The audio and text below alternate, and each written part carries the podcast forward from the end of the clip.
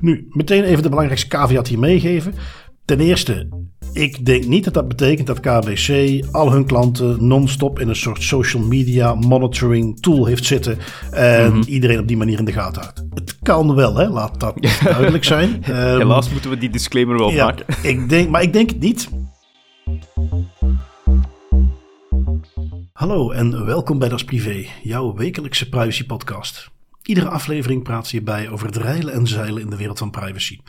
Digitale spionages, boete, datalekken, nieuwe technologie, privacy tools, oftewel alles dat er in een week gebeurt in privacyland. Ik ben Bart van Buitenen en samen met privacy prompter Tim van Haren hebben wij het privacy nieuws van deze week gecureerd en eruit gehaald wat er echt toe doet. En ja, privacy prompter Tim, omdat eh, mensen hebben het misschien gemerkt als ze wel eens op onze online media kijken waar wij onze podcast ook aankondigen. Wij hebben daar heel lang, ik denk meer dan 100 afleveringen, steeds een memepje gemaakt. Ehm, Mhm. Dat begon een beetje te vervelen. En, en, en, soms was het ook iets te veel moeite om dat er eh, te gaan verzinnen. Dus we hebben gedacht, weet je wat, eigenlijk is het ook wel leuk om die AI-tooltjes wat te gebruiken en wat te gaan prompten om een leuk passend plaatje te krijgen.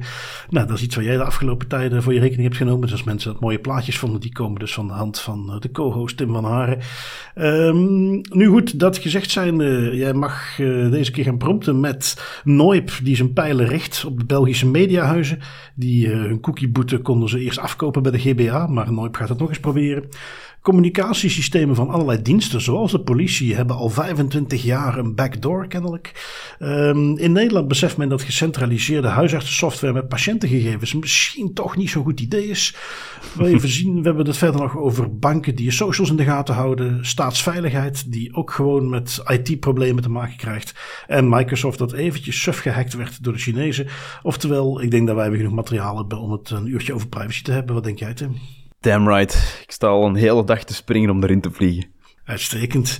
Nou, dan mag je meteen aftrappen met een kleine update. We hadden het vorige keer over Virus Total, die grote database waar alle virusproducenten en alle inlichtingendiensten en eh, andere eh, security mensen eh, hun inspiratie halen. Allerlei virussen uploaden, analyseren. Eh dat houdt dus te maken met een lekje en je hebt daar een update over. Ja, ja, inderdaad. Onze vermoedens van vorige week die zijn bevestigd. Het eh, lekje, eh, dus bepaalde gevoelige klanten en, en namen en contactgegevens van die gevoelige klanten, onder andere ook inlichtingendiensten die daar gebruik van maken. Eh, ja, dat is het gevolg van een menselijke fout. Een oepsje, een echt oepsje, dat is eigenlijk lang geleden dat we dat nog eens hebben kunnen gebruiken, dat woord, maar hier is het wel volledig van toepassing, want wat is er eigenlijk gebeurd? Ehm, een medewerker van VirusTotal zelf heeft een, een bestand met klantengegevens opgeladen naar het platform. Waarschijnlijk om dan te checken wat daar iets van, van virussen of malware eh, in, in zat verborgen. En dus bij het opladen van die gegevens, ja, zoals dat virus total werkt, hè, je laat een bestand op en dan eh, gaat dat naar een aantal analyse-tools, scan-tools, die dan scannen op de aanwezigheid van malware-virussen. En die informatie wordt ook gedeeld met een aantal eh, security-entiteiten in die wereld. Ehm, en daar is het dus fout gelopen, want die man ja, die heeft gewoon een, een bestand met klantengegevens opgeladen naar het platform en is via dat eigen platform, grappig genoeg, dan verspreid in de hele security community en op die manier is er dus een gegevenslek ontstaan. Prachtig, prachtig. En eh, goed, wat je zag was een mooi stukje transparantie. Maar als je dan nu hoort hoe het is gegaan, kon dus ook moeilijk anders. Want iedereen wist het toch al wel.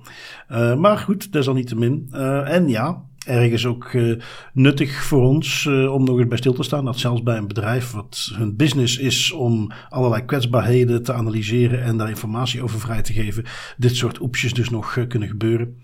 Ehm, wat hebben we dan? Noip, iedereen wel bekend, de organisatie van Max Schrems. None of your business staat die afkorting voor. Die zat het wat dwars dat de GBA. ik, kijk, daar wordt wat, wat schamper over gedaan. eh, dat zij een heleboel van hun klachten hebben afgedaan met een heel klein afkoopsommetje. Er is een schikking getroffen. De GBA is dat voor het eerst gaan doen. Ehm, dit ging om onderzoeken bij de bekende mediahuizen. Denk aan DPG Media, denk aan ja, Mediahuis heet ze zelfs. Eh, zo een paar van de grote, ook Franstalige media. Ehm, is de GBA al in 2019 een onderzoek gaan doen naar cookies.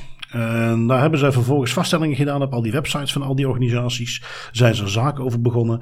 Uiteindelijk dat schortte nogal wat aan, aan de vaststellingen. Aan, dat was toen ook nog heel nieuw voor de GBA zelf, hoe de inspecties waren uitgevoerd.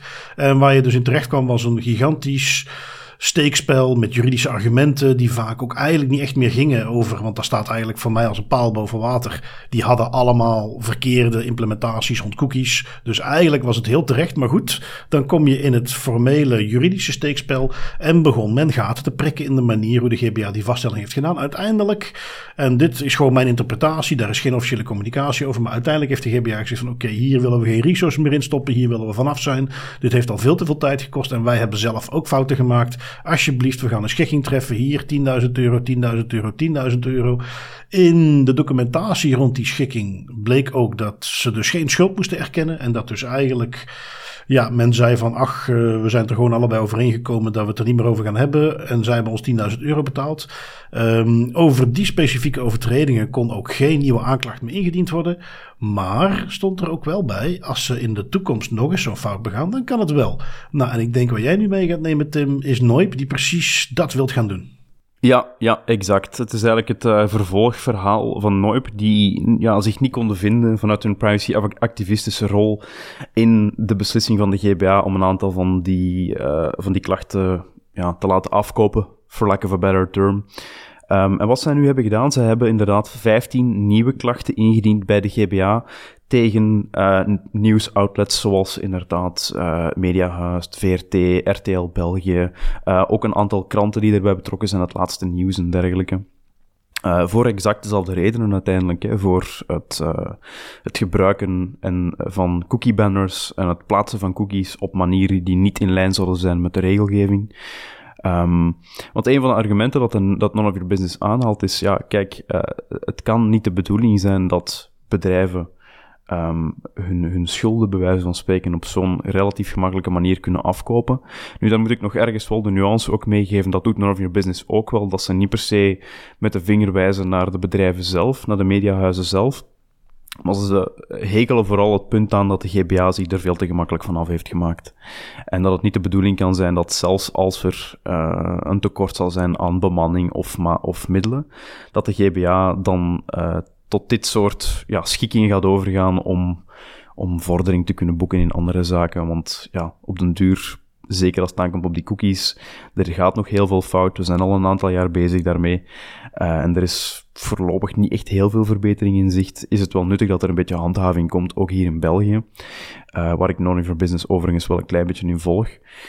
Dus vandaar dat men met die rationale toch terug naar de GBA is gestapt en 15 klachten heeft ingediend. Om nu eigenlijk eens terug aan het touw van de GBA te trekken en te zeggen van kom aan jongens, doe het nu eens goed. Ja, wel, um, ik, ik hoop dat het lukt. Um, ik, ik snapte heel goed waar die schikkingen vandaan kwamen. Um, maar ik kan me ook goed voorstellen dat er ook binnen de GBA een aantal mensen het, het jammer vonden dat ze er op die manier vanaf moesten komen. Um, en dat die misschien zelfs heel blij zijn dat Noip op deze manier het gewoon weer oppakt. Zodat die lui alsnog eens aangepakt kunnen worden. Vooral ook omdat je kunt het je eigenlijk haast niet voorstellen. Maar ik heb het ook op een paar sites gezien. Dat veel van die partijen nog steeds cookie banners hebben die niet correct zijn. Um, ja, zo moeilijk is het allemaal niet. Maar goed, we weten allemaal hoe het zit. Als je cookie banners correct laten zien, klikt niemand op accept, klikt iedereen op reject. Dus alles er is op ingezet om dat nog zoveel mogelijk mensen er toch in te sturen dat ze dat accepteren.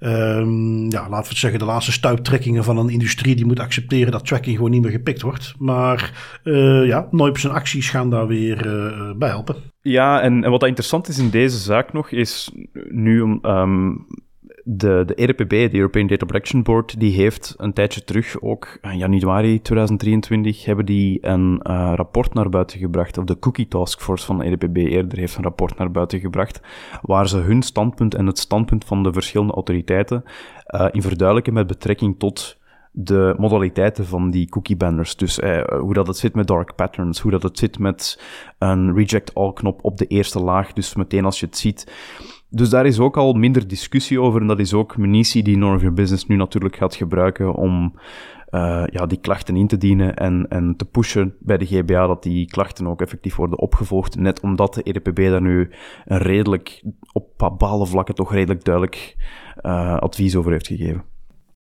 Ik... Uh hoop alleen dat dit niet zo lang gaat duren als het eerste onderzoek. Want daar is uiteindelijk zijn daar uh, twee, drie jaar overheen gegaan. Um, maar goed, uh, heel benieuwd en we zullen dat zeker opvolgen. Wat hebben we nog? Um, geen kleintje. Um, zoals ongetwijfeld bekend, um, hulpdiensten, denk vooral aan politie, inlichtingendiensten, brandweer, uh, gevangenispersoneel, noem maar op. Die hebben allemaal uiteraard communicatiemiddelen. Uh, die hebben radio's bij zich. Die radio's maken natuurlijk gebruik van een vorm van encryptie. En dat is waar ik het over wil hebben in dit verhaaltje. Uh, op verschillende media, zowel Nederlands als buitenlands, is erover gepubliceerd. Nederlandse onderzoekers die hebben namelijk ondervonden dat er een backdoor zit in het uh, protocol wat gebruikt wordt om die encryptie te doen. De, het, protocol erachter, de, de radiostandaard, de radiostandaard heet Tetra. Tetra staat dan voor Terrestrial Trunked Radio. Um, zit in de radiotoestellen die gemaakt worden door Motorola, DAM, Hitera. Uh, dat zijn in die sector echt wel de namen. Dus het, zijn, het gebeurt op ontzettend veel plekken. Um, het is vooral een Europees ding. Hè? Dus het is een Europese radiostandaard. Maar ook in de VS uh, maakt men er gebruik van. Maar de onderzoekers hebben zich vooral gefocust op het uh, Nederlandse stukje. En hebben zich dus gefocust op die implementatie, die Tetra. Um, het uh, encryptie-algoritme wat daarvoor gebruikt werd, is heel lang geheim geweest. Meestal al een slecht teken hè, als het gaat over encryptie-algoritmes. Um, klassiek zegt men daarvan, als het enige wat mensen tegenhoudt om jouw encryptie te doorbreken, het feit is dat je ze niet vertelt hoe het algoritme werkt, ja, dat is al een gigantische fout. Het, encryptie hoort zo te werken dat ook al ken je het algoritme dat gebruikt wordt om te encrypteren, je het gewoon niet kunt kraken. Um, wat, um, zoals bij, bij heel veel vormen van encryptie, die werken aan de hand van sleutels. Um, de complexiteit van die sleutel. Denk aan, ja, eh, wat we bij onze wachtwoorden zien. Uh, hoeveel tekens heeft het? Hoeveel complexe tekens, uitroepteken, hoofdletter, noem maar op. De complexheid van een wachtwoord ook wel eens entropie genoemd. En de onderzoekers zijn erachter gekomen dat in het algoritme dat gebruikt werd in die tetra-standaard, dat er een speciale stap is die je kunt toepassen om een entropie van 80 tekens, om die omlaag te kunnen brengen naar, uh, ik geloof dat het 32 was. Um, het exacte aantal ben ik even kwijt. Maakt ook niet uit. Bottom line is dat encryptie die normaal gezien zeer sterk is en niet zomaar te kraken, is nu te kraken met een laptop die je bij de mediamarkt kunt kopen en een radiodongel. Um, conclusie van de onderzoekers is ook van ja, dit is eigenlijk zo eenvoudig te kraken dat wij ervan uitgaan dat andere partijen, denk aan buitenlandse inlichtingendiensten, uh, dit ook al lang gevonden hebben en ook al misbruiken. Een van de elementen dat ook nog interessant is om aan te halen. Um, een van de onderzoekers, Carlo Meijer van het bedrijf, securitybedrijf Midnight Blue, die de vulnerability hebben gevonden in Tetra, uh, die haalden ook aan van, kijk, via, via deze zwakheid, via die uh, backdoor, kunt je niet alleen radiocommunicatie van bijvoorbeeld private beveiligingsdiensten, uh, van havens, van vliegvelden of spoorwegen, allee, kritieke infrastructuur van een maatschappij, gaan onderscheppen. Maar je kunt ook bijvoorbeeld dataverkeer gaan injecteren. Dus uh, valse boodschappen of informatie die niet klopt, gaan injecteren in uw uh, communicatiestroom om op die manier verwarring te zaaien of zelfs potentieel fatale gevolgen te proberen ontketenen. En dat is ja, dat, dat is ook iets natuurlijk belangrijk om in acht te nemen. Is eh, een belangrijk deel van encryptie en van geëncrypteerde communicatie is dat het vertrouwen in de communicatie berust op de kwaliteit van de encryptie. En als je nu in een situatie zit waarin dat je radiostandaard, bij wijze van spreken, niet meer te vertrouwen is, omdat die heel gemakkelijk te manipuleren is, um, of zelfs ja, het, tot het injecteren van bepaalde foutieve boodschappen, uh, vraag ik me echt af hoe dat ze dat zo snel gaan, gaan oplossen om ervoor te zorgen dat dat vertrouwen hersteld wordt. Ja, ja, um, trouwens één dingetje wat ik even moet corrigeren, want ik kan het gewoon niet hebben dat ik het uh, zo verkeerd zeg. Toen ik had over 80 tekens bedoelde ik 80 bits en niet uh, gewoon 80 tekens. Um, dat gezegd zijnde, um, ik uh, las nog een ja, grappige side note waarbij ik helemaal niet kan verifiëren of het wel of niet zo is, maar het klinkt niet helemaal onwaarschijnlijk. van iemand die zei van ach, maar ik, ik weet hoe de diensten dit gebruiken en velen zetten die encryptie überhaupt niet eens aan omdat ze dat maar lastig vinden en die communiceren gewoon zo. Dus ja, dan is het ook niet meteen meer een issue. Um, en misschien toch eventjes, want dat is iets wat ja, waar men verder eigenlijk niet op ingaat. En, en ja, zo goed zoals dit soort onderzoeken betaamt, dit is heel recent. Dus wat gaan de onderzoekers doen? Die geven nog niet alle details vrij. Die gaan natuurlijk alle security conferenties af waar ze daar uh, gaan spreken. Uh, ze gaan naar Black Hat en daar gaan dan alle details vrijgegeven worden. Uh, dus we moeten nog eventjes wachten daarop. Maar Backdoor uh, betekent dus wel, zij gaan ervan uit dat dit geen foutje is in het algoritme. Zij gaan ervan uit dat dit bewust erin is gezet. Dit is volgens hun publicaties tot nu toe. Dit is niet iets wat uh, ja, inderdaad als een foutje erin geslopen kan zijn, maar wat uh, zo bewust leidt tot verzwakking van het algoritme, dat dit er bewust ingezet is. En ja, dan wordt de vraag natuurlijk, is het er bewust ingezet door een van de, laten we zeggen, partners? Hè? Denk aan NSC-achtige organisaties NSC die er niet vies van is om dit soort dingen te doen. Ze hebben in het verleden al eens eerder een encryptiealgoritme verzwakt. Um, of is dit iets wat meer, ik denk aan de Juniper firewalls van jaren geleden, waar men erachter kwam dat Chinese inlichtingendiensten een backdoor in de software hadden gemaakt, waardoor ze erin konden komen. Um, daar ben ik heel benieuwd naar of hun, hun latere publicatie daar iets meer licht op gaan schijnen, of ze daar iets over hebben kunnen vinden. Um, en ja, ik, ik vind dit soort dingen altijd leuk om mee te nemen, omdat dit ons een klein beetje beetje zicht verschaft op welk niveau het uh, tussen de inlichtingendiensten op het allerhoogste niveau met dit spelletje speelt. Met backdoors inbouwen. Het zij door onze partners, het zij door uh, vijandelijke staten. Um, en ja, waar dus voor de duidelijkheid, dit is een kwetsbaarheid die er dus al 25 jaar in zit in dat protocol. Um, dus daar, daar moet al van alles mee gebeurd zijn.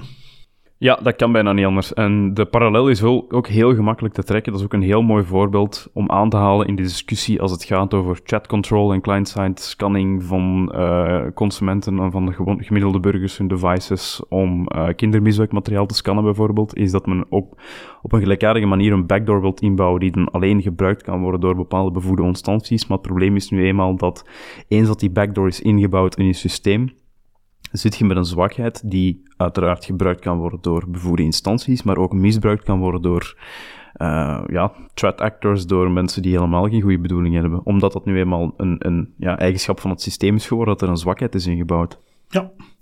Ja, absoluut. En als er iets is wat uh, alle inlichtingendiensten over heel de wereld doen, dan is het continu zoeken in kwetsbaarheden in elkaar software. Dus dan mm -hmm. komt er gewoon vroeg of laat een keer uit nog een extra reden waarom dat absoluut geen goed idee is.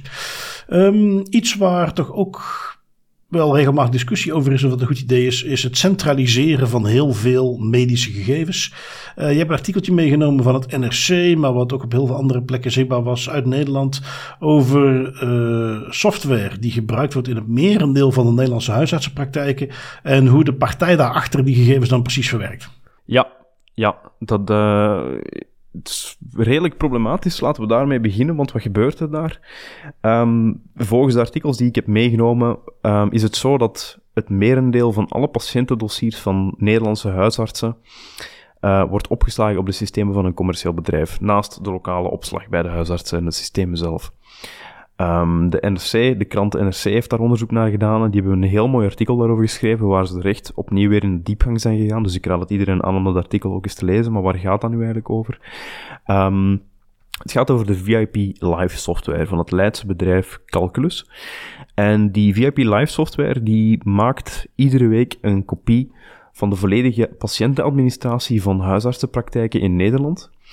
En waarom doen ze dat? Wel, ze doen dat voornamelijk om um, dat huisartsen van bepaalde patiënten die chronische aandoeningen hebben, die gegevens moeten kunnen, kunnen uh, delen met lokale behandelaren. Um, en die software wordt onder andere gebruikt voor het beheren van de zorg voor dus patiënten met chronische aandoeningen, uh, zoals bijvoorbeeld diabetes, wordt aangehaald in het artikel als een van de voorbeelden. Nu, daar valt heel veel over te zeggen. Um, volgens het artikel is het zo dat de gegevens versleuteld zijn. Dus ergens in de ketting, of wat er nu in transit is of het rest, dat is voorlopig niet meteen duidelijk, maar ergens worden die gegevens versleuteld als die naar de supplier gaan, naar VIP Live. Um, en volgens zowel de, het artikel als de woordvoerder van Calculus, het bedrijf achter VIP Live, kan het bedrijf zelf niet aan de software, eh, kan het bedrijf zelf niet aan de data in de software. Um, wat zou doen vermoeden dat er een of andere end-to-end encryptie is, maar dat wordt dan vervolgens in het artikel later weer tegengesproken, want Calculus kan bepaalde inzichten en bepaalde rapporten genereren voor de huisartsen op basis van die data. Dus er zitten een aantal tegenstrijdigheden in dat men aan de ene kant zegt dat het er ja, inderdaad patiëntinformatie naar die software gaat en dat die soft en, dan opgeladen wordt op de systemen van de leverancier van de software, maar dat die geëncrypteerd zal zijn, maar dat tegelijkertijd de leverancier van de software wel rapporten kan trekken en inzichten kan creëren voor die huisartsen, voor die opvolging te kunnen doen van chronische patiënten. En uh, dat lijkt mij heel problematisch. Sowieso, laten we daar al mee beginnen het feit dat je patiëntendossiers in zijn totaliteit zonder enige uh, verdeling gaat opladen in een systeem van een commercieel bedrijf, al dan niet versleuteld, dat lijkt mij geen goed idee voor verschillende redenen. Um, eerst en vooral, dat zijn, gevoel, dat zijn gevoelige gegevens. Daar moet heel nauwgezet mee omgegaan worden. Uh, ik ken het bedrijf Calculus zelf natuurlijk nu, dus ik heb geen zicht op hoe dat die beveiliging in elkaar zit, maar ik durf er mijn hand niet voor in het vuur te steken momenteel dat die dat op de juiste manier doen. Zeker niet als ik kijk naar de ophef dat dat toch creëert in Nederland. En los daarvan, het gaat hier over het opladen van de volledige uh, patiëntenadministratie van heel veel huisartsenpraktijken in Nederland. VIP Life heeft blijkbaar een soort monopoliepositie in de markt gecreëerd. Um, waar dat er geen onderscheid wordt gemaakt tussen de patiëntendossiers die opgevolgd moeten worden omdat het over een patiënt gaat met een chronische aandoening bijvoorbeeld, of patiënten die geen chronische aandoening hebben en die dus ook strikt genomen niet in die software zouden moeten zitten en niet mogen worden opgeladen. Dus qua dataminimalisatie zit het al helemaal fout. Waar ik waarmee ik, ik nog niet helemaal uit kon halen. Um, wat is het verschil met huisartsen software die gewoon in de cloud draait? Um, ik ken veel van dat soort pakketten waar je dus strikt genomen, ja, je bent, op je bent als huisarts, je werkt dus op jouw computer, maar je bent via een internetverbinding aan het werken op systemen van een aanbieder van medische software. Daar zitten dus al die gegevens. Die aanbieder doet daar niks mee, die gaat geen gegevens delen tenzij de huisarts dat zelf wilt. Um, en daar, daar, lijkt mij een opzet waar relatief weinig mis mee is. Ik bedoel, het moet allemaal goed beveiligd zijn en zo, maar de tijd dat iedere huisarts op zijn eigen computer alle gegevens lokaal bewaarde, die ligt al een tijdje achter ons. Ik bedoel, ze bestaan nog, maar dat is niet meer de norm. Um, en ik, ik moet toegeven, als ik dit verhaal lees en, en, en hoor, ik zie eigenlijk niet wat hier het probleem is. Het artikel, het, grootste probleem dat ik eruit haal, is dat deze software specifiek... Het is geen backup software, laten we daar al mee beginnen. Het is geen software die bedoeld is om een backup te creëren of een online versie van uh, de elektronische patiëntendossiers of de dossiers van patiënten. Dat niet. Um, want dat is iets in, in Nederland, ja, elke huisarts heeft daar zijn eigen EPD, zijn eigen elektronisch patiëntendossier. Dat heet daar een, een HIS, een huisartsinformatiesysteem. Um, dit is eigenlijk een, een systeem dat daar los van staat, dat daarnaast staat en dan een specifiek doeleinde wil bekomen, namelijk het opvolgen van patiënten met chronische aandoeningen. En daar loopt het een beetje fout, want alle patiëntendossiers van patiënten die bij een huisarts langs gaan, zitten in dat systeem niet alleen de uh, dossiers van patiënten die een chronische aandoening hebben en waar je dus nog ergens van kunnen zeggen dat dat ja, rechtmatig is dat die daarin komen, dat dat ook ergens logisch is om die opvolging beter te kunnen voorzien. Er gaat nu gewoon een heleboel data naar daar waar potentieel ja, geen doel voor is. Ja, ja, ja. Zonder in een, een, een GDPR-discussie te verzanden. Waarbij, om er even een paar termen tegenaan te gooien, waar volgens mij die partij gewoon verwerker is. Die dus zelf niet beslissen hoe of wat. En waar die huisartsen gewoon die software gebruiken.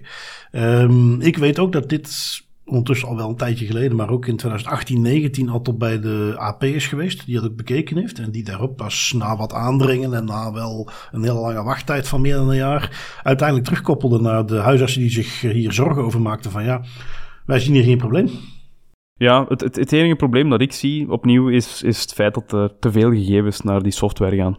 Dat is, dat is waar het voor mij het belangrijkste punt op neerkomt. Uh, wat dat ook nooit een goed idee is, is dat je te veel informatie doorstuurt naar een bedrijf dat eigenlijk geen verwerkingsactiviteiten gaat uitvoeren op die informatie, moet ja, zeggen. Kijk, uh, je blijft natuurlijk, en, en, ik vind dat niet zo schokkend als dat een beetje geportretteerd wordt in het artikel. Um, er is natuurlijk altijd een groter risico aan data centraliseren dan het uh, gedecentraliseerd bijhouden. Als ik bijvoorbeeld kijk naar het systeem wat we in België kennen voor het delen van gezondheidsgegevens via tussen de ziekenhuizen, via de hubs, waar je ook als patiënt op kunt inloggen, daar werkt men met een referentiedatabank. Uh, er staat eigenlijk niks Niks allemaal centraal in de cloud. Er is wel een soort adresboek waar als het ene ziekenhuis informatie wilt gaan opvragen van een patiënt, dat de hub kan zeggen van ah, dat staat bij ziekenhuis X, je moet daar zijn. Um, en dat men dus op die manier uh, huisartsensystemen ook zou opzetten. Dat als ze dan, en wat dat is iets wat steeds meer gebeurt, de multidisciplinaire zorgverlening, uh, de gezinszorg of de familiezorg die iets, iets weten van de huisarts en dat je dat moet faciliteren, snap ik. Wat dan natuurlijk een veel opzet uh, lijkt te zijn, is dat je dat decentraal doet. En op het moment dat er echt een aanleiding is om gegevens te gaan delen, dat je dan dat activeert in plaats van dat preventief mm -hmm. alvast allemaal centraal op te slaan, is wel iets, en dat is dus iets wat we in België veel meer doen, die gedecentraliseerde opslag, is iets waar men in Nederland uh, toch uh, keer op keer lijkt te kiezen voor gecentraliseerde opslag. En ja, in dit geval dus ook. Ja, ja, ja. En opnieuw, um, allee, ik vind nog altijd, los van of dat hier proportioneel is en of, dat er, of dat er is gekeken naar of dat het doel kan bereiken of niet. Er wordt een aantal keren gerefereerd in de verschillende artikels naar versleuteling van de patiëntengegevens. En de manier hoe er gerefereerd wordt naar de versleuteling van patiëntengegevens is een beetje contradictorisch, want men zegt aan de ene kant dat Calculus, het bedrijf dat VIP Live software aanbiedt, niet aan de data kan, maar tegelijkertijd de software faciliteert wel bepaalde delingen, bepaalde externe communicatie over die patiëntengegevens, bepaalde rapporteringen, wat dat dus impliceert dat er ergens wel toegang moet zijn tot die data. Ja. En ik zie de gemiddelde huisarts niet in Nederland en ook niet in België gaan klooien met bijvoorbeeld private keys en encryptie op dat niveau. Dat, dat is een van de redenen waarom dat bedrijven zoals Calculus bestaan, is om die mensen te ontzorgen. Maar dan moet ja. het wel op de juiste manier gebeuren. Ja, en uh, ja, ik denk dat we kunnen afsluiten met een quote van een van de huisartsen die uh, de kat de bel aanbond. Zo'n 8 op de 10 Nederlanders moeten zich realiseren dat hun patiëntendossier bij Calculus staat. Inhoudelijk is dit lang niet altijd nodig, maar helaas wel een feit. Mm -hmm. uh, ja, dat, dat zegt het allemaal. En opnieuw, zoals wij ook altijd zeggen, als wij ergens uh, uitleg moeten geven over incidenten of waarom je data minimalisatie hebt, de data die je niet hebt, kun je ook niet lekken en die kan ook niet misbruikt worden. Ja, exact. Um, goed, wat hebben we nog? Jij hebt iets meegenomen uit Engeland. Um, hard op weg om privacy steeds meer uit te hollen. De volgende stap op weg is kennelijk banken die je social media in het oog gaan houden. Wat, uh, wat is men daar aan het uitspoken? Ja, verschillende grote Britse banken die hebben uh, redelijk stiekem aan hun privacybeleiden toegevoegd dat ze nu het recht voorbehouden om klanten op social media te monitoren.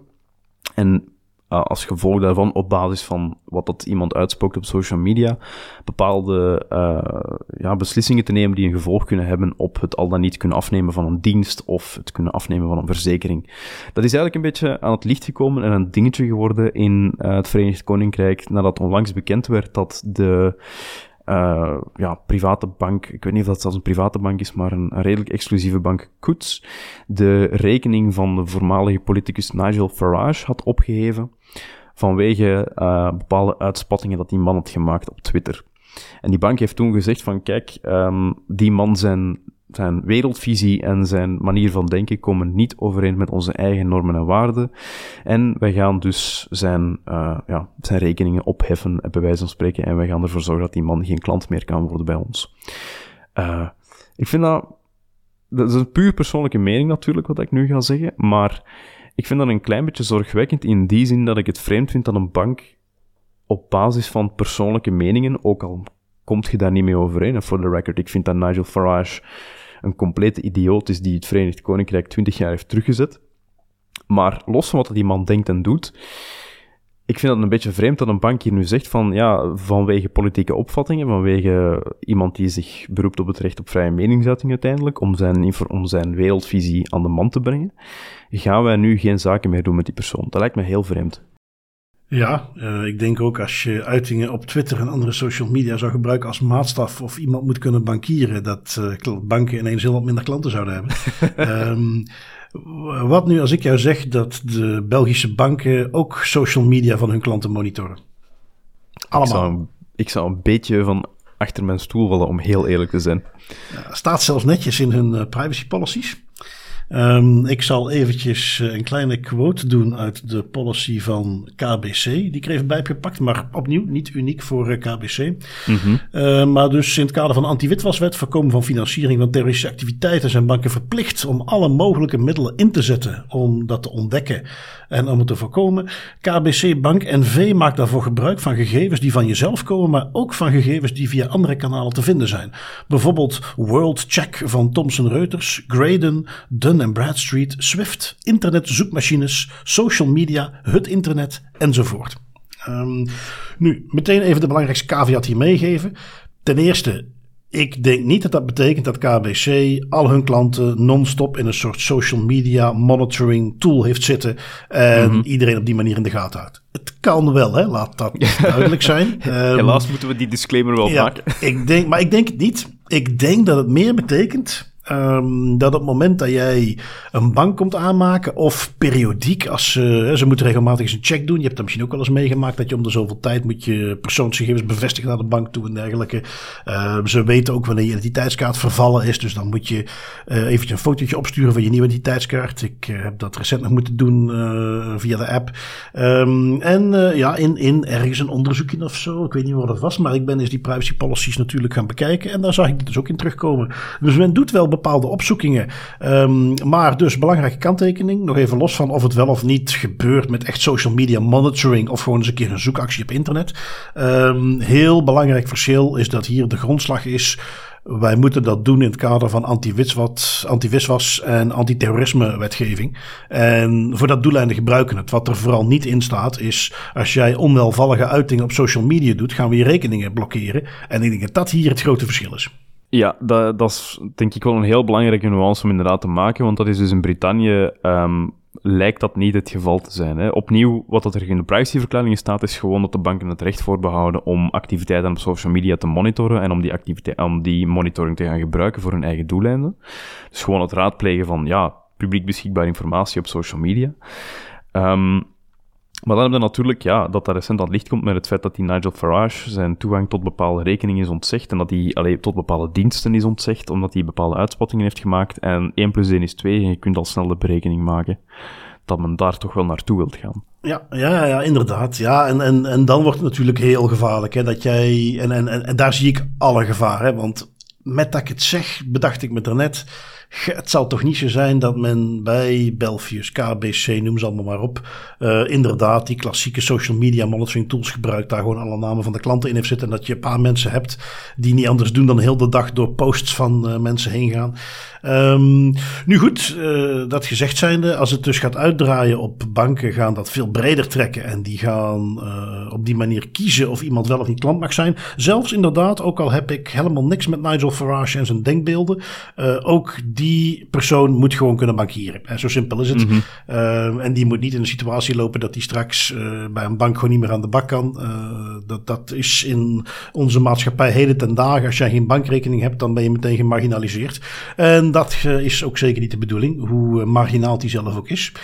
Um, gaan we even naar een, uh, een uh, ander uitstapje. Uh, staatsveiligheid. Ja, toch een van die partijen die ook heel veel bezig is met het monitoren van onze samenleving en mensen. Um, waar ik heel graag zou denken, zeker het om staatsveiligheid gaat, is dat die één cliché de baas zouden zijn. Dat die één cliché wat altijd rond de overheid hangt, namelijk overheid en IT, is vragen om problemen, dat dat bij staatsveiligheid anders wordt aangepakt. Dit is namelijk niet zomaar gegevens. Dit is, ja, de naam zegt het al, staatsveiligheid. Als die een nieuw systeem gaan inzetten, dan mag je er toch vanuit gaan dat dat uitgebreid getest is. Dat men goed weet hoe het in elkaar zit. En dat daar geen grote fouten in zitten. Als ik het artikel in het laatste nieuws moet geloven, dan is dat helaas ook bij staatsveiligheid niet het geval. Is ook daar het grote IT-project compleet mislukt. Um, waar gaat het over? Ze hebben een, een, databank. Ja, uiteraard staatsveiligheid, databank, dat zal niemand verbazen. Um, maar die databank en het systeem erbovenop, dat was kennelijk al uh, ja, meer dan tien jaar in gebruik. En was toe aan een uh, opfrissing. Uh, en ja, ik kan het exacte aantal even niet bevinden. dat ik tegen had zien staan. Maar volgens mij was het heel veel meer dan tien jaar. Um, in ieder geval, toe aan een overhaul dus. Nieuw systeem. Um, als ik dan eventjes de, de, een quote van een van de bronnen aan het nieuwsblad erbij haal. Ondanks jaren voorbereidingswerk en miljoenen facturen is dit systeem simpelweg onbruikbaar. Het ontbreekt aan logica, overzichtelijkheid, traceerbaarheid, controlemechanismen, snelheid. Kortom, aan alles wat de databank van een inlichtingendienst nodig heeft. Um, ik. Weet je wat ik eigenlijk hoopte als ik dit las? Um, dat dit een ander cliché aanraakte. En niet zozeer IT bij de overheid is altijd kut. Maar dat dit een systeem is waar. Als dat, het is staatsveiligheid. Je hebt een systeem waar jouw inlichtingen in zitten. Dat, dat, dat kan toch niet dat dat zo slecht gemaakt zou zijn zoals dat door die bron omschreven wordt. Dat, dat kan toch gewoon niet. Wat kwam even in mij op? Volgens mij raken ze hier aan een ander cliché, namelijk van de suffige ambtenaar die ondertussen al 15 jaar met hetzelfde systeem werkt en die gewoon niet overweg kan met een nieuwe databank. Ik moet toegeven, dat zou ik veel fijner vinden dan dat ook staatsveiligheid zijn IT zo slecht op orde heeft dat al hun data in een nieuw systeem is en dat dat niet werkt. Ja, dat, daar haalden we een heel goed punt aan. Eh, toegegeven, de overheid en grote IT-projecten, het is geen successcenario. We hebben genoeg voorbeelden de voorbije tien jaar waar het valkant is misgelopen, waar er miljoenen euro's zijn, zijn verkwist. Dat gezegd zijnde, het idee van de eh, vastgeroeste, mossige ambtenaar die zijn manier van welke wilt aanhouden in een nieuw systeem en die dan, als dat niet werkt, maar vervolgens zegt dat het systeem het probleem is, dat klinkt ook niet onrealistisch, om heel eerlijk te zijn. nee, nee, nee. En, en, en uh, zonder dat ik enige inhoudelijke kennis heb. Ik bedoel, uh, als er bronnen bij staatsveiligheid luisteren, weet me zeker te vinden. Maar ik geloof dat dat niet uh, realistisch is. Um, ik kan echt niet geloven dat men bij staatsveiligheid uh, zomaar een systeem zou implementeren wat zo slecht werkt. Ik wil wel geloven dat daar zoals iedere IT-toepassing uh, kinderziektes in zitten. Die gladgestreken moeten worden, maar dat dat kan. Maar dat er vervolgens vooral een, een, groep is die er gewoon niet blij mee is. En die dit gebruikt om te lekken en om te zeggen hoe slecht het allemaal is. Daar hoop ik dat het uiteindelijk op neerkomt. Um, sowieso, ja, staatsveiligheid zit al een beetje in de hoek waar de klappen vallen. in de zin dat zij ook deze week het nieuws haalden met um, dat zij ook getroffen zijn door een, eh, een uh, lek bij een securitybedrijf. Uh, in de security-industrie vast niet onbekend, Barracuda. Zij leveren firewalls, zij doen heel veel security-producten. En volgens mij alweer twee weken geleden kwamen ze ook naar buiten met dat er kwetsbaarheden gevonden waren in hun firewalls. Waar uiteindelijk een hele simpele boodschap was, die, waar je ze tegelijkertijd een beetje krediet van moet geven dat ze dat op die manier deden. Waarbij ze gewoon zeiden: jongens, dit is niet op te lossen met een update. Je kunt het beste gewoon je Barracuda firewall of, of je apparatuur die je nu hebt weggooien en nieuwe kopen. Um, Pijnlijk natuurlijk om het zo te moeten doen, maar tegelijkertijd wel een heel eerlijk advies. Um, nou, dat was al bekend. Um, wat ik nog niet wist, en dat is dus wat nu uh, blijkt, is dat uh, Belgische Staatsveiligheid een van de organisaties was die gebruik maakte van die toestellen. En die dus in die zin ook uh, ja, last heeft gehad, mogelijk last heeft gehad van die kwetsbaarheid. Belangrijke kanttekening: het gaat niet om het netwerk, het deel van het netwerk waar de staatsveiligheid gevoelige informatie stond. Het gaat om wat meer administratieve deel van het netwerk. Uh, waar men dan op die manier eventueel dus via die kwetsbaarheden in die barracuda's toegang toe kon krijgen. Dus iets minder gevoelig dan het hele IT-systeem wat slecht zou zijn, maar toch ook weer pijnlijk en, en dat bevestigt nog maar eens het puntje um, waar we al eens eerder aanhaalden, waarbij, uh, of waar we heel vaak aanhalen van ja, hoe goed is het om zo afhankelijk te zijn van uh, in dit geval weer Amerikaanse providers. Um, neemt niet weg, hè, als dit, dit kan ook bij een Europese leverancier van tools gebeuren, maar dan is het tenminste niet zo grootschalig. Dan zijn we tenminste niet met z'n allen meteen de pineut. Um, zeker dit is iets wat dan bij Barracuda naar buiten werd gebracht. Dat kwam dan op een aantal blogs en uh, security nieuws kwam dat naar buiten. Maar de echte impact, en, en ik kan me voorstellen ook bij staatsveiligheid zelf, uh, wordt nu pas duidelijk op hoeveel plekken die software met die kwetsbaarheden, of die, die hardware met die kwetsbaarheden eigenlijk allemaal zit. Ja, en dat is a tale as old as time. Hè. Het, het, je hebt de initiële impact, oh fuck, er is iets fout gelopen, of er is een kwetsbaarheid die uh, uitgebuit wordt, en dan is, het is vaak de schokgolven daarna, pas de weken daarna, dat de, dat de reële impact van een incident of van de exploitatie van een kwetsbaarheid echt wel voelbaar en duidelijk wordt. Hè. Case in point, een ander voorbeeld is de MoveIt software die door verschillende ransomware-bendes, waaronder ook de Klap ransomware-bende, werd uitgebuit, waar ja, heel grote partijen ook bij betrokken zijn en nu meer naar buiten komen van ja, oké, wij zijn ook bij betrokken bij dat, bij dat lek. Waar het in het begin ging over een tiental bedrijven, zijn we nu al in een vierhonderdtal bedrijven, als we naar de lijst kijken van slachtoffers. Dus it's a gift that keeps on giving. Ja, absoluut. Um, wat hebben we dan nog? Uh, ja, terugkerend onderwerp bij ons in de podcast ook. Uh, Sesam scanning, child sexual abuse material, oftewel beter bekend als de chat control wetgeving. Um, we hebben het al heel vaak gehad over de, de protesten die er tegen zijn. Maar nu heeft de Europese Commissie daarop gereageerd. Die zijn met inhoudelijke feedback gekomen en die hebben al onze bezorgdheden kunnen wegwerken, of niet Tim? Ja, inderdaad. Er is een uh, woordvoerster van de Europese Commissie in Nederland, Ingelise de Boer, die heeft gereageerd, in naam van de Europese Commissie uiteraard, op de internationale ophef die is ontstaan om chatberichten van ja, alle burgers te kunnen scannen door middel van client-side scanning. Um, het is een beetje ja, de, de argumentatie die wordt aangehaald door de, de woordvoerder is een beetje vreemd, omdat ze eigenlijk zeggen van, het is, je moet je allemaal niet te veel zorgen maken, het is allemaal één groot misverstand. Eh, dat deze wet bijvoorbeeld voor het eerst het scannen van berichten zou toestaan, dat is een misverstand. Um, want waar verwijzen zij naar? Zij verwijzen naar het feit dat foto's en e-mails en video's en content, noem maar op, al jarenlang door grote technologiebedrijven, uh, Instagram, Twitter, Facebook, noem maar op, op kindermisbruikmateriaal worden gecontroleerd. Dat is waar, ja, die, die content die jij plaatst op social media wordt uiteraard gecontroleerd op het tegengaan van de end-user license agreements en de regelgeving en uiteraard het plaatsen van pornografisch materiaal en kinderpornografisch materiaal. Um, maar de Europese Commissie lijkt echter ook een klein beetje te vergeten dat het hier gaat om content en om berichten die gebruikers zelf hebben gestuurd naar de techbedrijven en zelf op de servers van de techbedrijven hebben gezet, bij wijze van spreken, door die informatie te uploaden, door een post op Instagram te plaatsen, door iets te tweeten, whatever.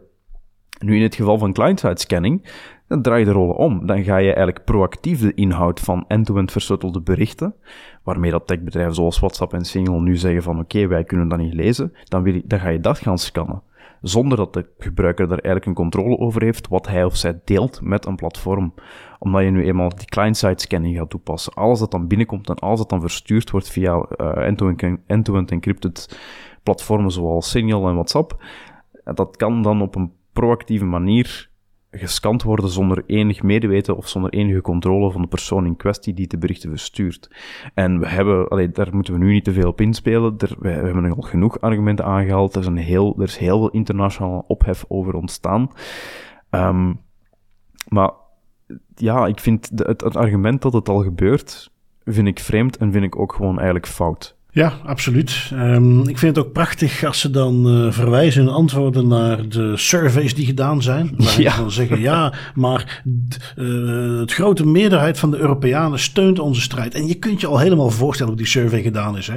Uh, om te beginnen, ben jij voor of tegen kinderporno?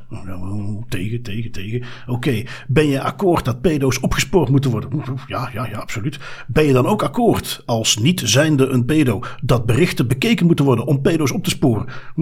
Nou ja, oké, vooruit dan. Je ziet je helemaal voor hoe heel die poll volledig zo gesteld is dat je eigenlijk weer de klassieke tegenstelling krijgt. Als jij hier nee op zegt, dan ben je voor pedo's. En uh, ja, zo'n survey, daar kan ik helemaal niks mee. Um, en, en, en, vind ik nog het mooiste dat ze ook in, in die voorstellen die er nu liggen, daar wordt ook beschreven dat men niet alleen gaat zoeken naar bestaand materiaal, maar dat men zogenaamd ook algoritmes gaat maken die nieuw materiaal moeten kunnen herkennen. En die zelfs grooming moeten herkennen. Hè? Iets wat, bedoel, kijk maar naar wat ChatGPT tot nu toe doet. Die kan nog steeds niet eens zonder glashard te liegen bronnen opnoemen. En dat soort algoritmes moeten dan gaan bepalen, oh hier is sprake van grooming. Moeten dat dan doorsturen naar een entiteit die dat gaat beoordelen. Waar dat bijvoorbeeld in het verleden al is gebeurd, dat Google uh, dingen voorbij zag komen. Dan moet een moderator foto's gaan beoordelen en zeggen, is dit kinderporno ja of nee? Nou, uiteraard wil zo'n moderator op geen enkele manier verantwoordelijk zijn voor het feit dat hij iets heeft afgekeurd. Wat eigenlijk naar de rand wel kinderporno blijkt. Dus die zeggen waarschijnlijk op alles ja. En dat voorbeeldje hebben we destijds ook al aangehaald. Hè? Die persoon die op Google diensten zat en die nog steeds niet aan al zijn uh, data terug kan omdat Google het blijft blokkeren. Um, dus, dus, dus we hebben het niet alleen over uh, de, de surveillance, maar ook gewoon over de praktische implicaties die het voor heel veel mensen gaat hebben. Uh, ik geloof gewoon absoluut niet dat dat systeem ooit zou kunnen werken zoals we het voor ogen hebben. Um, ja, dit soort communicatie, het laat maar eens zien hoe ver men afstaat van, en, en ik kan dat soms moeilijk bevatten, omdat je vanuit mensen die in de politiek zitten, die met dit soort dingen bezig zijn, dat je verwacht, die hebben toch ook een basiscursus mensenrechten, ethiek, privacy meegekregen. Zodat ze zien, er is altijd een tegenstelling, er is altijd uh, meerdere mensenrechten die tegen elkaar opwegen. Uiteraard is niemand voor kinderporno. Um, maar je moet je gewoon de vraag blijven stellen, hoeveel van onze vrijheden als maatschappij willen wij uh, afgeven om toch nog steeds een gigantisch randgeval op te gaan sporen. En ja, wat de balans zoals die hier nu voor ligt is helemaal verkeerd. En dat ze dan met surveys komen en, en uh, in de reacties die ze geven, lijken ze ook helemaal niet te snappen waar de protesten over gaan. Dat blijft allemaal maar haperen op van ja, maar dit is om pedo's tegen te gaan. Hoe kan iemand daar nu tegen zijn? Dit is om terroristen tegen te gaan. Het is altijd weer hetzelfde. Ja, dat blijft toch vermoeiend. En, en, en waar ik uh, bang voor ben, is dat de, het tegengeluid zo makkelijk wordt weggezet als privacy-fanatici die uh, niet meer nadenken en op hun beurt oogkleppen op hebben, um, dat dat niet meer serieus genomen wordt. En dat het dus ook op die manier, want dat zie je ook aan de reactie van de Europese Commissie. Er komt dus ook geen serieuze inhoudelijke reactie tegen. Uh, het zijn allemaal drogredeneringen die daarin gebruikt worden. Dus ja, dat blijft toch een hele interessante discussie om te volgen. Uh, en, en, langzaam maar zeker dat voorstel dat je gaat steeds verder de uh, wetgevende ladder door. ja, interessante tijden zullen we maar zeggen. Ja, ja, absoluut. Um, en het, het, het is duidelijk echt een, een stelselmatig probleem bij politici dat zij ja, een beetje de, de, de vraag stellen van, kijk, ofwel heb je privacy en dan heb je een heleboel terroristen en pedo's die rondlopen in de maatschappij, of je hebt geen privacy en we hebben geen terroristen en pedo's in de maatschappij. En dat is, als je op die manier begint, dat is compleet de verkeerde vraagstelling. Dat doet mij een beetje denken aan een uitspraak van uh, ik denk dat het de minister van Welzijn, Volksgezondheid en Gezin was, Hilde Krevit, een paar weken terug, die bijna exact hetzelfde, uh, ja, modus operandi in haar redenering had aangehaald, waarin ze op een bepaald moment zei van, kijk, um, we kunnen nu, eh, allez, we moeten kiezen tussen um, het bestrijden van criminaliteit of privacy. En het is, het is nooit een of-verhaal, dat is niet genuanceerd. Dat is, het is geen zwart-wit verhaal. Je kunt perfect criminaliteit gaan bestrijden en privacy van je burgers respecteren. Je kunt perfect pedofilie en het verspreiden van kindermisbruikmateriaal gaan, gaan tegengaan en gaan bestrijden en tegelijkertijd de privacy van uw burgers gaan respecteren. Maar het probleem is dat de discussie nooit op dat niveau komt, omdat men altijd die emotionele argumenten blijft gebruiken van ofwel ben je voor privacy, ofwel ben je voor het bestrijden van pedo's en je kunt niet voor beide zijn. En dat is, dat is, dat is gewoon een zonde dat dat daar altijd in verzandt. Ja, helemaal waar. Um, over naar wat datalekjes. Yes. Jij hebt iets meegenomen van een Amerikaanse ziekenhuis wat slachtoffer is van ransomware. Ja, eh, wat maakt dit anders dan helaas uh, het zoveelste ransomware verhaal? Er zit een silver, silver lining in. In die zin dat uh, ja, de data van 1,2 miljoen Amerikanen is gestolen door een ransomware operator bij een ransomware aanval op uh, het Tampa General Hospital, een ziekenhuis in Tampa Bay. Um, Daarom zijn onder andere namen, adresgegevens, telefoonnummers, uh, identifiers, social security nummers. Uh, en onder andere ook, naar eigen zeggen, beperkte informatie over de behandeling zelf. Nu dan is de vraag natuurlijk hoe beperkt dat, dat is. Maar wat heeft, er, wat heeft ervoor gezorgd dat het, dat het niet rampzaliger is geworden dan het al is? Uh, de monitoring software en de IT-teams, met dan waarschijnlijk ook externe ondersteuning, hebben kunnen voorkomen dat de data werd versleuteld. Dus de ransomware aanval, de exfiltratie was succesvol, maar de encryptie die was niet succesvol. En wat ik daar vooral interessant van vind om nog eens mee te geven, is dat dat ook uh, duidelijk maakt hoe lang dat zo'n ransomwarebende eigenlijk infiltreert en zich manoeuvreert en pivoteert binnen hun netwerk voordat die hun slag slaan. De gegevens, uh, de diefstal van de gegevens, die werd teruggeleid tot drie weken voordat men heeft vastgesteld dat er verdachte activiteiten gaande waren op het netwerk. Dus die mannen waren al minstens drie weken bezig met het exfiltreren van patiëntendata, voordat zij gevat zijn en voordat zij hebben geprobeerd om vervolgens het hele ziekenhuis ook lam te leggen. Dat is, het is nooit een, een operatie van 24 uur. Vaak zitten die mensen weken of zelfs maanden binnen in hun netwerk om zoveel mogelijk informatie te vergaren. Ja, uh, en misschien hier eventjes een Das Privé, Das Beter, klein beetje security georiënteerd. We zien nu steeds meer dat er software bestaat die op basis van patronen gaan herkennen van nee, wacht even, dat hier nu uh, gigabytes aan data versleuteld wordt, dat is geen normaal patroon. We gaan dat tegenhouden. Um, nu wil je de volgende stap doen, dat is dat je uh, ook het navragen bij leveranciers en dat soort software. Oké, dat stopje, een stukje van het encrypteren, daar kunnen we nu tegenhouden. Maar een stap die veel ransomware bendes tegenwoordig ook doen, is de data eerst uittrekken om die vervolgens te kunnen gaan publiceren en ons op die manier te chanteren. Dat is een issue, maar natuurlijk ook gewoon de publicatie van die gegevens. Dus op wat voor manier gaat jouw software niet alleen detecteren dat er geëncrypteerd wordt, want dan zijn we waarschijnlijk al te laat als het gaat om het, eh, de diefstal van de data. Op wat voor manier gaat hij ook detecteren, want dat gebeurt niet zomaar, dat die data uit ons netwerk gehaald wordt. Want die data die moet wel over het netwerk naar buiten getrokken worden. En we hebben het hier niet over een gigabyteje van uh, één of twee. We hebben het hier vaak over ettelijke gigabytes aan data die, uh, die dus op een bepaalde manier uit het netwerk gehaald worden. Die niet normaal is, die je dus zou moeten kunnen detecteren op een bepaalde manier. Dus dat is iets waar uh, nu wat meer focus op moet komen te liggen. Nu we dan langzaamaan systemen beginnen te krijgen die de encryptie alvast kunnen tegengaan. Wat al wel een hele belangrijke is. Moeten we nu, om met de mooie term te zeggen, uh, systemen gaan van die de exfiltratie van die data ook tegen kunnen gaan. Um, ik heb er nog eentje bij in de wat meer, uh, laten we zeggen, dan het security hoekje van Das Privé tegenwoordig. Um, niet al te lang bij stilstaan, maar gewoon omdat ik hem interessant vond. Ook omdat het weer wat inzicht geeft in wat er dus vaak op de achtergrond gebeurt. Hoe men bezig is om elkaar te hacken. Um, in uh, misschien ook onze wederkerige rubriek, uh, rubriek China Gonna China. Microsoft had kwam al naar buiten met dat zij, daar hebben we het volgens mij ook de vorige keer over gehad, uh, getroffen waren door een lek. Um, wat betekent het concreet? Door, dat is ondertussen al, al publiek toegekend aan uh, de Chinese overheid. Dus een bepaalde uh, hackgroep binnen de Chinese overheid. Die heeft toegang gekregen tot een bepaalde sleutel van Microsoft. Die sleutel werd gebruikt om, als jij toegang hebt gekregen tot je, je mailbox van Outlook of tot de diensten van Microsoft, dan krijg je een token. Dat is een, een bestandje, iets wat ervoor zorgt dat jij niet iedere keer opnieuw moet inloggen, maar dat Microsoft ziet, ah wacht eens even, jij bent al geverifieerd ingelogd, kom maar binnen. En die token die wordt getekend met een bepaalde sleutel. Dat is uh, een stukje van die cryptografie.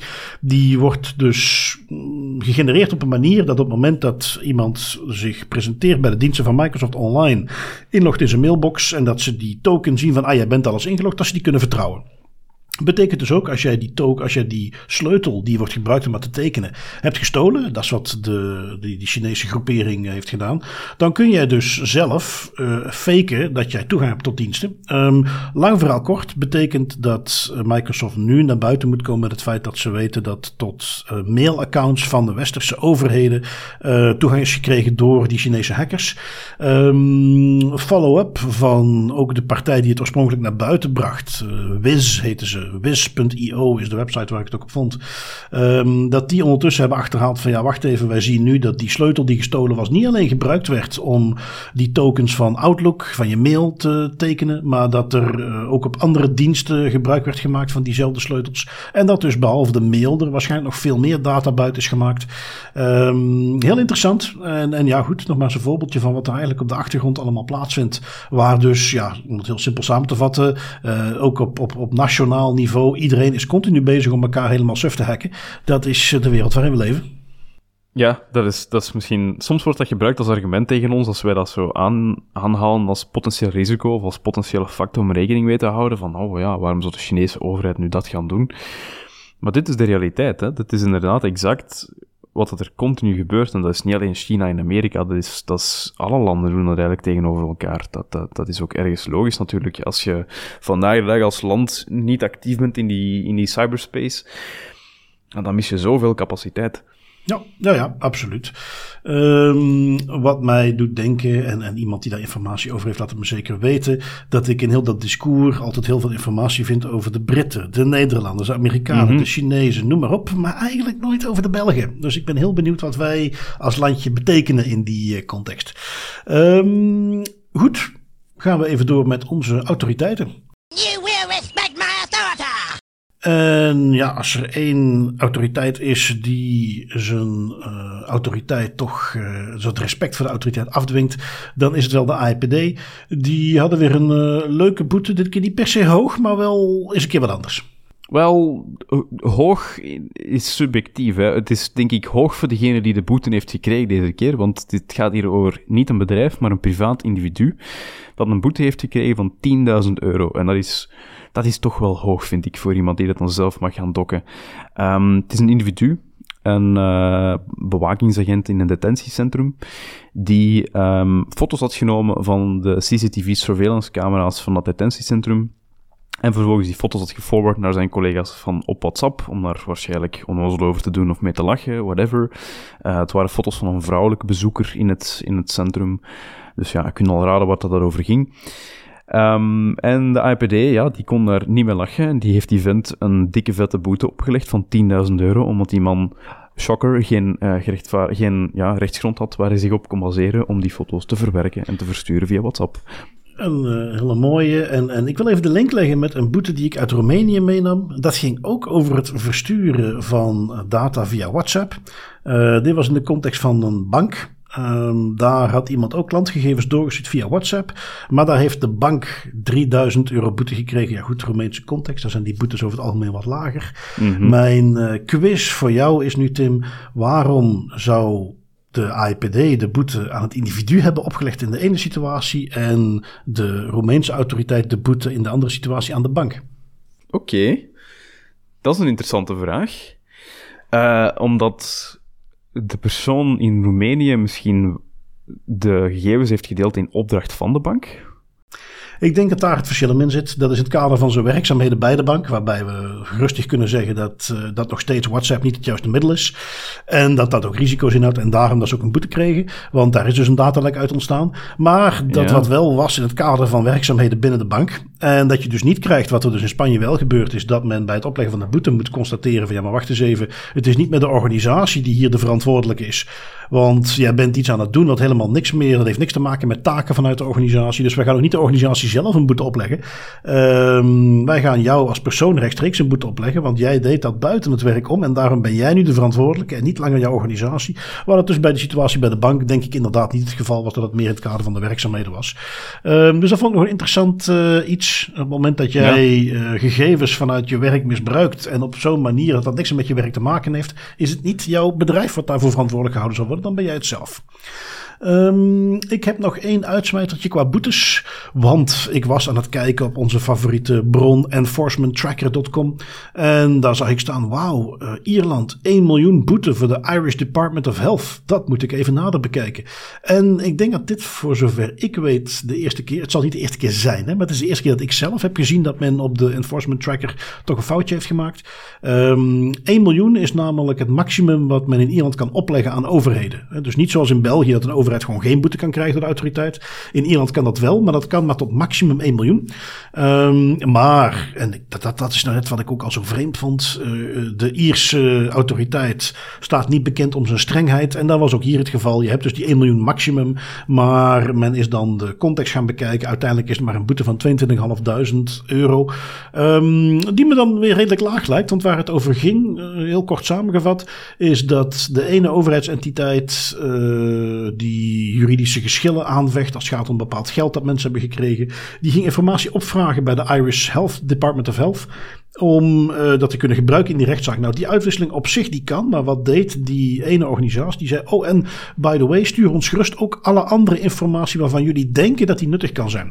Nou, daar bleek dan dingen in te zitten zoals informatie over de job, uh, leefomstandigheden, informatie over de huwelijksproblemen van de ouders. En nou ja, je voelt hem maar komen, totaal niet meer relevant in de context van die rechtszaken die uh, liepen.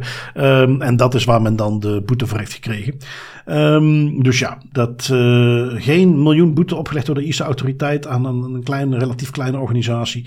Uh, als ze al moeite genoeg hebben om fatsoenlijke boetes aan Facebook op te leggen, dan mag je verwachten dat ze die lijn ook wel doortrekken op kleiner niveau. En dat is dus ook zo. Uh, maar desalniettemin een interessante case. Um, zijn wij toe aan onze privacy pointers? Wat heb jij voor ons meegenomen, Tim? Um, ik heb iets meegenomen voor de professionals deze keer. Um, heb zelf al ook met collega DPO's redelijk wat gediscussieerd en redelijk wat vragen gekregen over het nieuwe EU-US framework dat terug uh, dataoverdrachten naar de Verenigde Staten mogelijk zou moeten maken, onder bepaalde voorwaarden uiteraard. En er zijn een aantal mensen die me gevraagd van, oké, wat zijn nu goede bronnen, wat waar kan je nu wat meer informatie vinden over één, de achtergrond van dat framework, uh, een beetje de tijdslijn van hoe het allemaal is ontstaan en wat bijkomende informatie, autoriteiten die daar al advies over hebben gegeven of, of zich daarover hebben uitgesproken.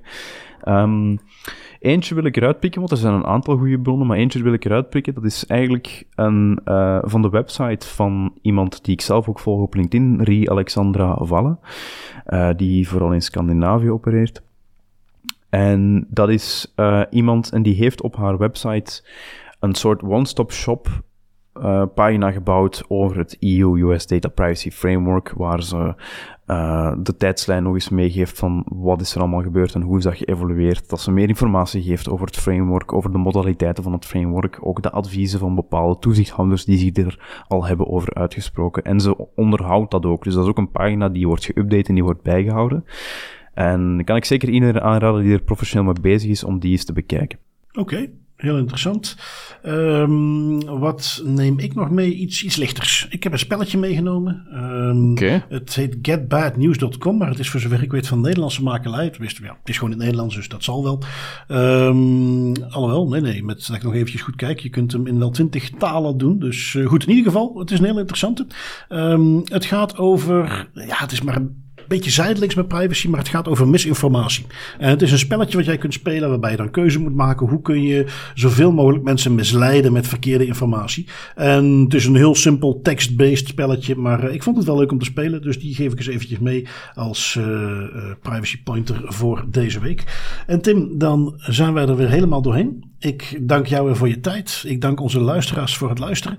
En wij gaan dit volgende week gewoon nog eens een keer opnieuw doen. Zoals altijd, Bart, met heel veel plezier en tot volgende week. Tot volgende week.